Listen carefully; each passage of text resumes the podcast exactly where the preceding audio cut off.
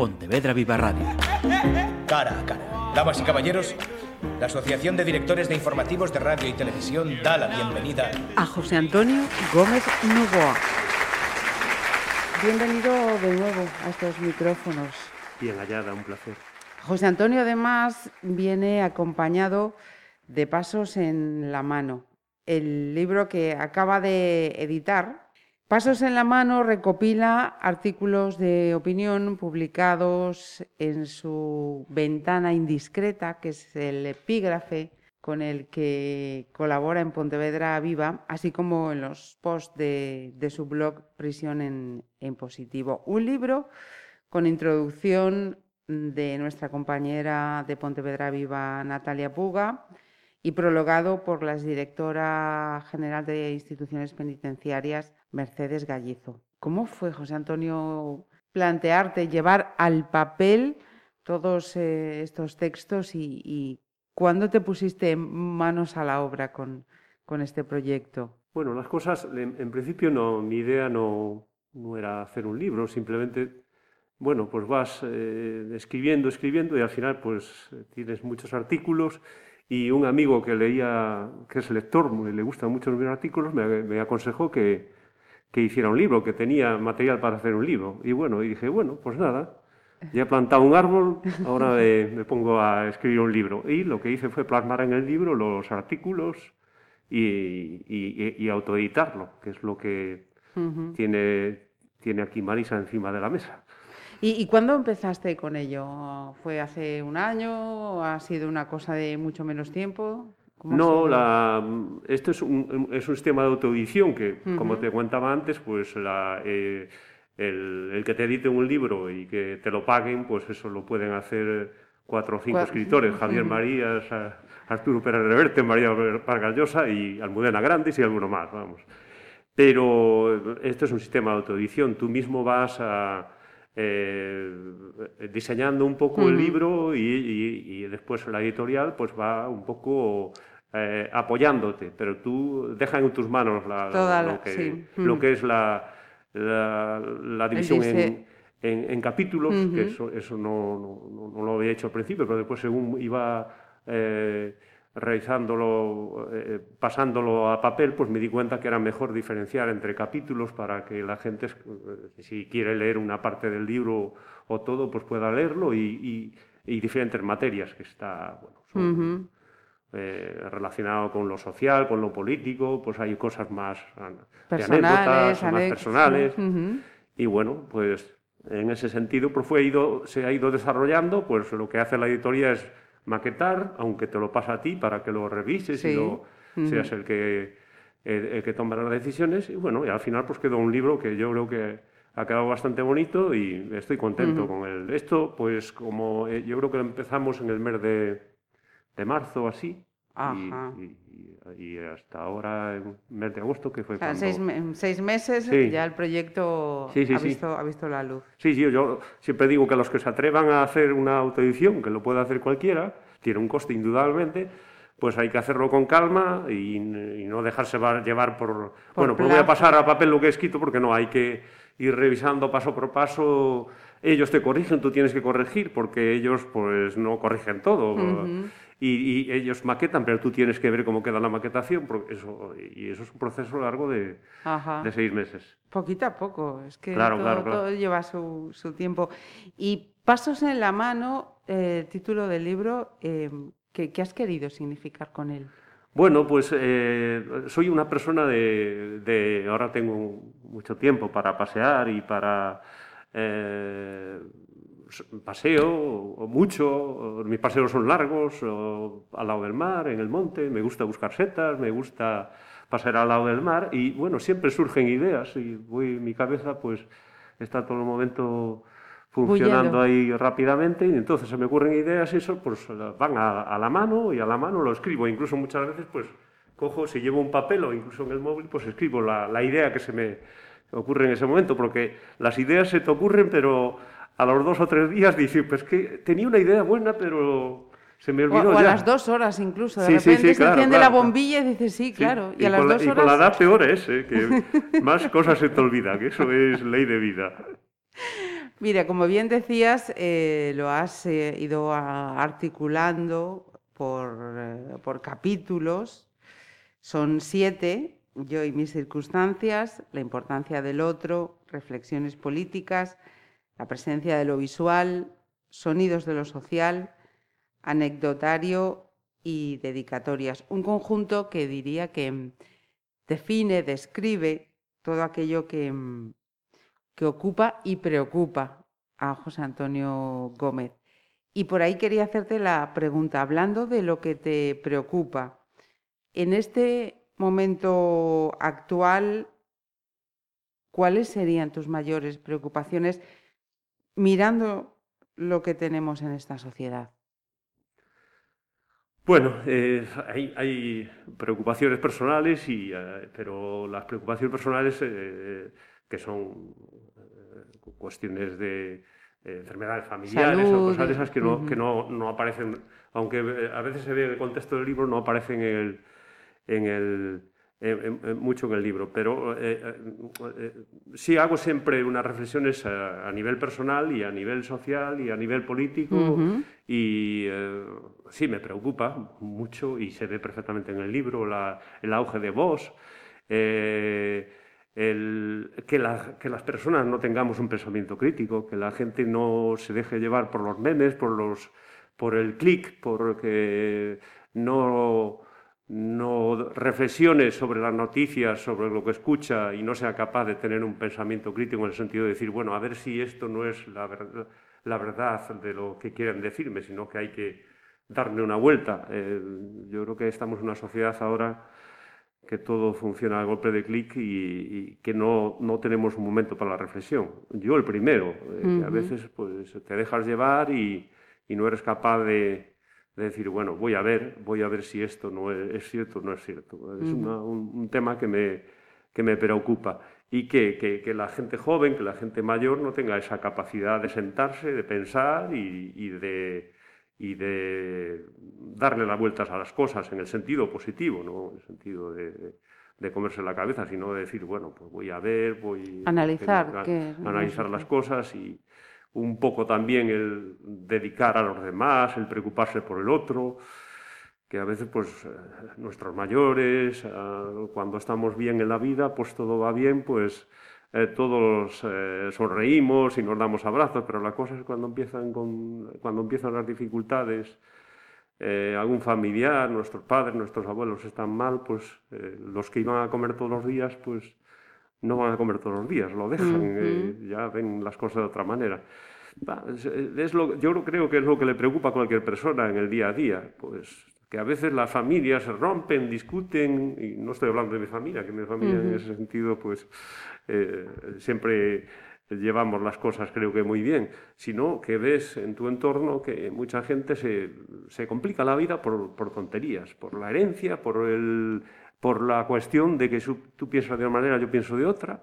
A veces la gente no es capaz de, discutir a nivel de ideas personales. A veces eh, yo con los compañeros, con los amigos, hablas de tus ideas políticas, el otro se enfada.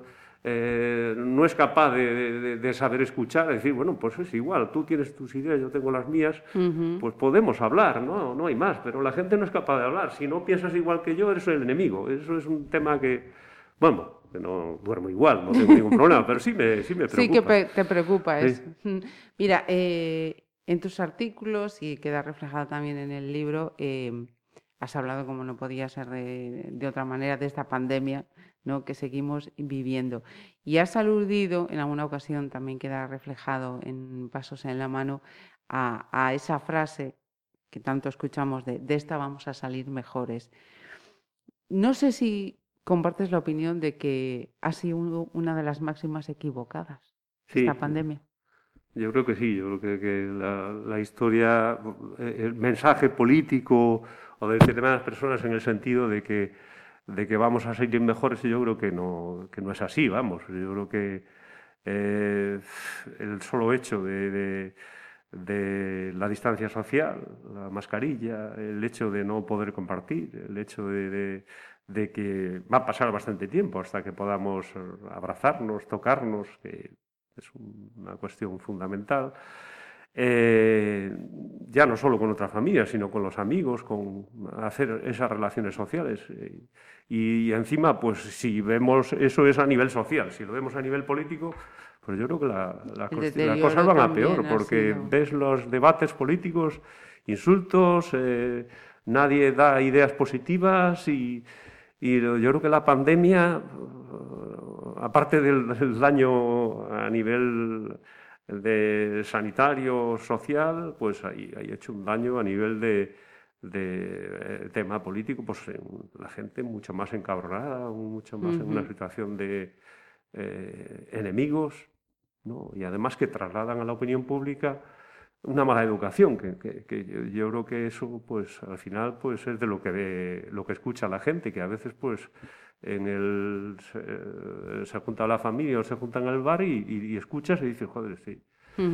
Sí, es que los políticos... Eh, están embarullando todo y embarrando todo muchísimo y, y, al final, pues la gente les hace un seguidismo que creo que es equivocado y yo creo que un mínimo de educación pues debemos tener todos.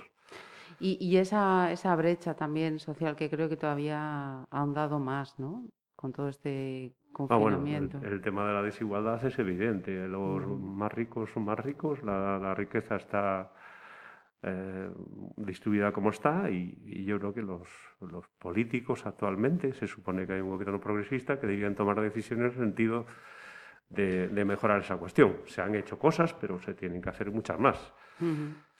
Precisamente eh, tenía aquí eh, señalado, porque me imaginaba lógicamente que una de tus preocupaciones era el, devenir político. ¿Tenemos la clase política que nos merecemos o qué hemos hecho para merecer esta clase política? ¿Cuál sería la pregunta? No, no, yo es que lo, eh, es un tema que la política me interesa y, en el libro se refleja mucho. Yo creo que desgraciadamente la gente buena, porque yo he visto a gente eh, amigos eh, eh, que están vinculados políticamente y que se dedican a dar ideas y a, hacer reflexiones, a plantear cuestiones y que no se quedan en eso, no hacen nada más. Y son los mejores. Son los mejores porque creen que la política no merece la pena actualmente. Aunque den ideas a los representantes políticos, la gente buena no está en la política. Ese es el problema actual, que tenemos jóvenes muy preparados, gente muy buena, vinculados a lo social, que, eh, que tienen, no, no, solo estamos hablando de carreras, sino gente que se implica, que está preocupado, que tiene ideas y que no quiere cargos políticos. Y al final, pues en la política no están los mejores y encima, pues con los asesores, los asesores que hay, pues son la gente que ha trabajado que yo no, no, le quito el mérito, repartiendo pasquines o ayudando al partido y que son buenos, no digo que no, pero para asesorar y para dar ideas igual no son los mejores. Yo creo que el problema que tenemos actualmente es que no, en la política no están los mejores, eso es evidente. Ajá. Mira, eh, estamos con, con una persona que ha dedicado años a la educación, a la reeducación, y yo quería eh, preguntarte, también hacer una reflexión en, voz alta, si tú eh, lo, ves así. Los padres eh, de estas generaciones ahora mismo más jóvenes, adolescentes, incluso menores, em, están pecando quizás demasiado del aspecto cuidar y proteger y se están olvidando del aspecto educar? Bien, eh, sí, bueno, eh, es que yo muchas veces cuando hablo con los, pregunto a los alumnos, ¿vosotros creéis que la generación, los chavales jóvenes ahora son mejor que nosotros o las nuevas generaciones? Y, casi todo el mundo dice que no, que son peores. Y yo no comparto esa idea.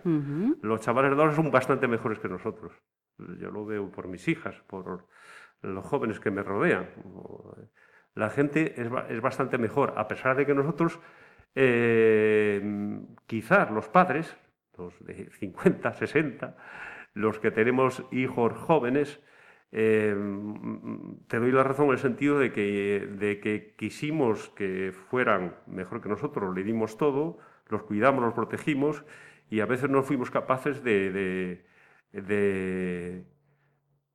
de que compartieran lo bueno y lo malo. A veces, pues bueno, pues hay que cuidar a los mayores, hay que eh, em, preocuparse más de lo social, del, del, otro, eh, dedicarse más a los demás, todo eh, hay que trabajarlo mucho, es un todo cuesta, hay que hacer muchos esfuerzos para llegar a los objetivos.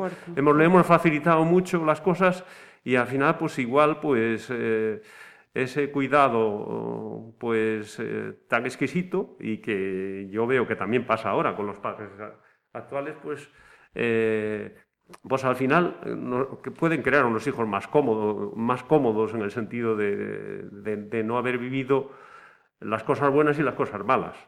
Bueno, yo creo que también nuestros padres al final, los que tenemos 50, 60, también hicieron lo mismo, a veces pues incluso más aún, porque te ocultaban las cosas malas, o sea, te, dejaban, no, sabían lo que pasaba a veces en la, eh, con tus padres. Pues, a veces pues había carencias y no, y, no las... Y, tú no las veías y, y se dejaba, eh, ellos comían menos para darte de comer más a ti. O sea que yo creo que es un, eh, en definitiva, lo que te decía al principio, que los jóvenes ahora son bastante mejor que nosotros Y, y, desde la antigüedad, eh, acabo de leer ahora El infinito en el junco, de, que es un libro muy bonito, y ya los griegos y los romanos ya decían que los jóvenes eran, eran peores que nosotros, ah, y no es así, no, no, no, yo creo que eso es una cultural, ya que siempre decimos, no, los jóvenes son peores que nosotros. Yo creo que es al contrario, que son bastante mejores que nosotros. Ajá. Mira, voy a volver otra vez al confinamiento, ya que hablaba de esa faceta tuya como educador, reeducador. ¿Cuántas veces durante el confinamiento has pensado en, la situación en los centros penitenciarios? Bien, la verdad es que eh, en, los centros penitenciarios ya por sí hay confinamiento, con lo cual es es más complicado, o sea, ya de por sí, a nivel de coronavirus, eh, es más fácil el control. Mm, eh, ha habido contagios, indudablemente, porque hay comunicaciones, aunque también se suspendieron, y porque también los trabajadores, pues, entran y salen. aunque ellos siempre siguen la medida del protocolo del COVID y se lleva a, a, a rajatabla, pues. Eh, eh, ha habido muy pocos contagios en prisión, pocos, no, no, ha, habido mucho, pero indudablemente porque ahora estamos en una situación, entre comillas, privilegiada en prisiones, porque estamos hablando del año 2009, había 90.000 internos y ahora hay 50.000. En Alama había 2.000 internos y ahora hay 700, 800, o sea que eso también te permite abordar mejor el tema.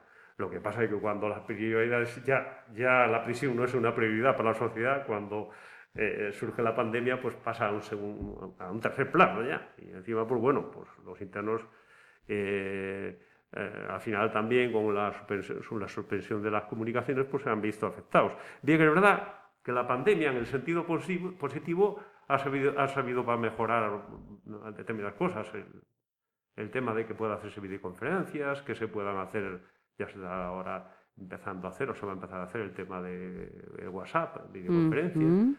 O sea que se ha ido buscando alternativas para eh, solucionar el tema de la incomunicación.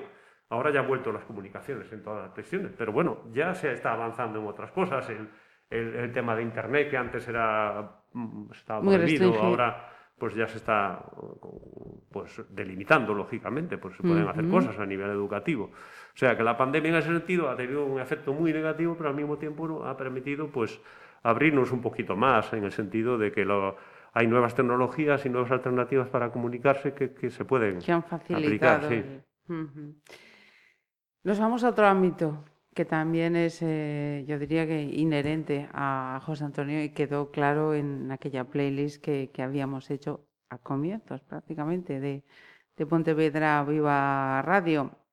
Quería saber qué, qué has visto últimamente y que nos puedas mm, recomenzar, eh, ah. recomenzar, recomendar. Bien, ahora eh, esta es un poco la pandemia, pues eh, lógicamente el, tema de, cine, he, visto mucho cine clásico en la pandemia, o sea, porque te dices, bueno, tienes tiempo y haces tus ejercicios en casa y después dices, pues me voy a poner, y he visto mucho cine clásico.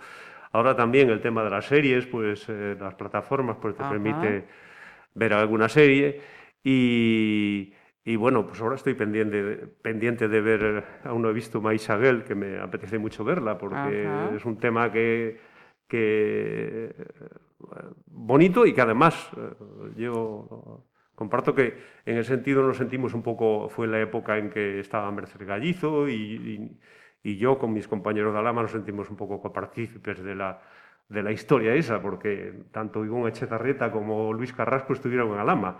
Antes de la vía en Anclares estuvieron en la prisión de Alama. O sea que algo tenemos que ver con, con, esa...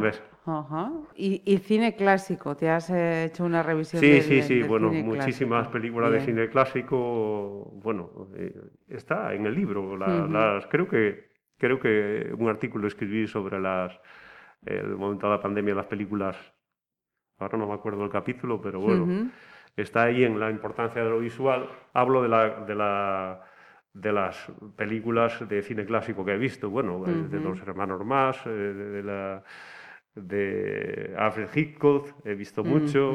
Eh, alguna de Clint Eastwood del oeste, que sin perdón o así, que bueno, pues eh, siempre me ha gustado, Los Siete Magníficos. Eh, y bueno, todo el cine clásico que pude ver. Yo creo que vi unas 40 o 50 películas de cine clásico en, toda la pandemia. Mm. El apartamento. Eh, ah, Muy grande, muy grande, sí, señor. Mira, Carta a una desconocida es una, una película que no había visto, es una, es una, maravilla. Ah. Es una maravilla. Pues esa tengo que anotar. Sí, es una, una película eh, muy corta y una eh, historia de amor eh, no recorrespondido preciosa, eh, basada en una carta. Anotado, que, anotado queda, anotado queda. Lo hemos señalado al comienzo. Gallizo, en, en, ese prólogo que hace de Pasos en la mano, destaca tu desarrolladísimo sentido del humor. Y como ejemplo, y con tu permiso, voy a leer uno de los capítulos titulado Cenizas, dice, la Congregación para la Doctrina de la Fe me ha enviado una carta transmitiéndome lo que sigue. Distinguido señor, entendiendo que usted, habiendo superado la barrera de los 50, cumpliendo los requisitos de haber sido bautizado, confirmado, que dispone de un nicho abonado por sus padres en el municipio de Amoeiro y a tenor de lo descrito en las instrucciones ad resurgendum cum Cristo, le comunicamos. Preferentemente su cadáver, y de no ser posible sus cenizas, deberá mantenerse en lugar sagrado, es decir, en el cementerio, nicho número 53, tercer piso, y en ningún caso le será permitido la dispersión de sus cenizas en el aire, en la tierra, en el agua o en cualquier otra, o la conservación de las cenizas en recuerdos conmemorativos, en piezas de joyería o en otros artículos. Le rogamos nos remita firmando esta página donde se menciona devolver firmado, utilizando para ello el sobre de franqueo gratuito que le adjuntamos. Si necesita alguna aclaración o desea realizar alguna alegación, no dude en realizarlo en apartado observaciones. Y también recuerde que puede recurrir al agente vaticano. Estamos a su servicio, tanto en la tierra como en el cielo, las 24 horas del día. Acudo al apartado de observaciones, dice José Antonio. Distinguido señor Papa Francisco, presto mi consentimiento para el conjunto de términos previstos procediendo a trasladarle lo siguiente. Ruego que, una vez que se produzca el óbito del firmante, se proceda a tomar las siguientes medidas. La colocación en el féretro debe realizarse en posición horizontal con las piernas elevadas 90 grados, debido a que en los últimos años, no sé si debido al ácido úrico cítrico o la retención de líquidos, los tobillos se me inflaman sobremanera. Igualmente, en el momento de la entrada en el purgatorio, lugar en el que creo debo ser ubicado según mi trayectoria vital, suplico se adopten las prevenciones higiénico-dietéticas prescritas por mi galeno Dieta bajo en sal, reducción de ingesta de proteínas, hidratación muy abundante y control de peso. Tenga usted en cuenta que en el momento de la resurrección me gustaría encontrarme en el mejor estado posible. Atentamente. Postdata, de tener que ingresar en el infierno, le informo que la carne me gusta poco hecha. Es buenísimo. Es, es buenísimo y además dice de ese sentido del humor que perfectamente describe Gallizo, que le das a la retranca, le das a la somarda, es, es una evidencia más de la inteligencia de una persona. Bueno, gracias, Marisa. No, no diría. Lo, dice ¿eh? Gallizo, ¿eh? Y comparto, vamos, me parece que sí, que saber. Mercedes es amiga y entonces, pues bueno, a veces, pues se cede. Bien es cierto que cuando leo el prólogo, pues eh, lo, en la dedicatoria que le hice ella del libro, pues le decía que era gasolina para mi cerebro, su prólogo. Igual que la contraportada de, de Natalia. Está muy bonita, tanto. Yo creo que solo por el prólogo y la contraportada merece la pena el libro. Pues eh, eh, ese capítulo que, os hemos leído es, un ejemplo de todos esos eh, textos que aglutina pasos en, la mano, que ya está a la venta. José Antonio Gómez nos decía que no va a hacer presentación, que no, no va a haber ese, evento social, pero cuéntanos por favor dónde se puede adquirir el, libro para todos aquellos que quieran tener esta recopilación. qué mejor sitio que hacer la presentación en en Pontevedra Viva, que es el lugar que, desde un principio pues, me dio la idea para compartir mis artículos y mis reflexiones aquí. Eh, desde hoy ya se puede comprar, la gente que lo quiera, en bien Amazon, en, la Casa del Libro o el libro CC, con que pongan pasos a la mano José Antonio Gómez Novoa, pues le lleva y, y, se puede adquirir tanto en papel como ebook. Como ebook. Eh, hemos puesto un precio económico, eh, creo que sobre 16 euros, y en ebook 2 euros o sí, 2 euros y algo.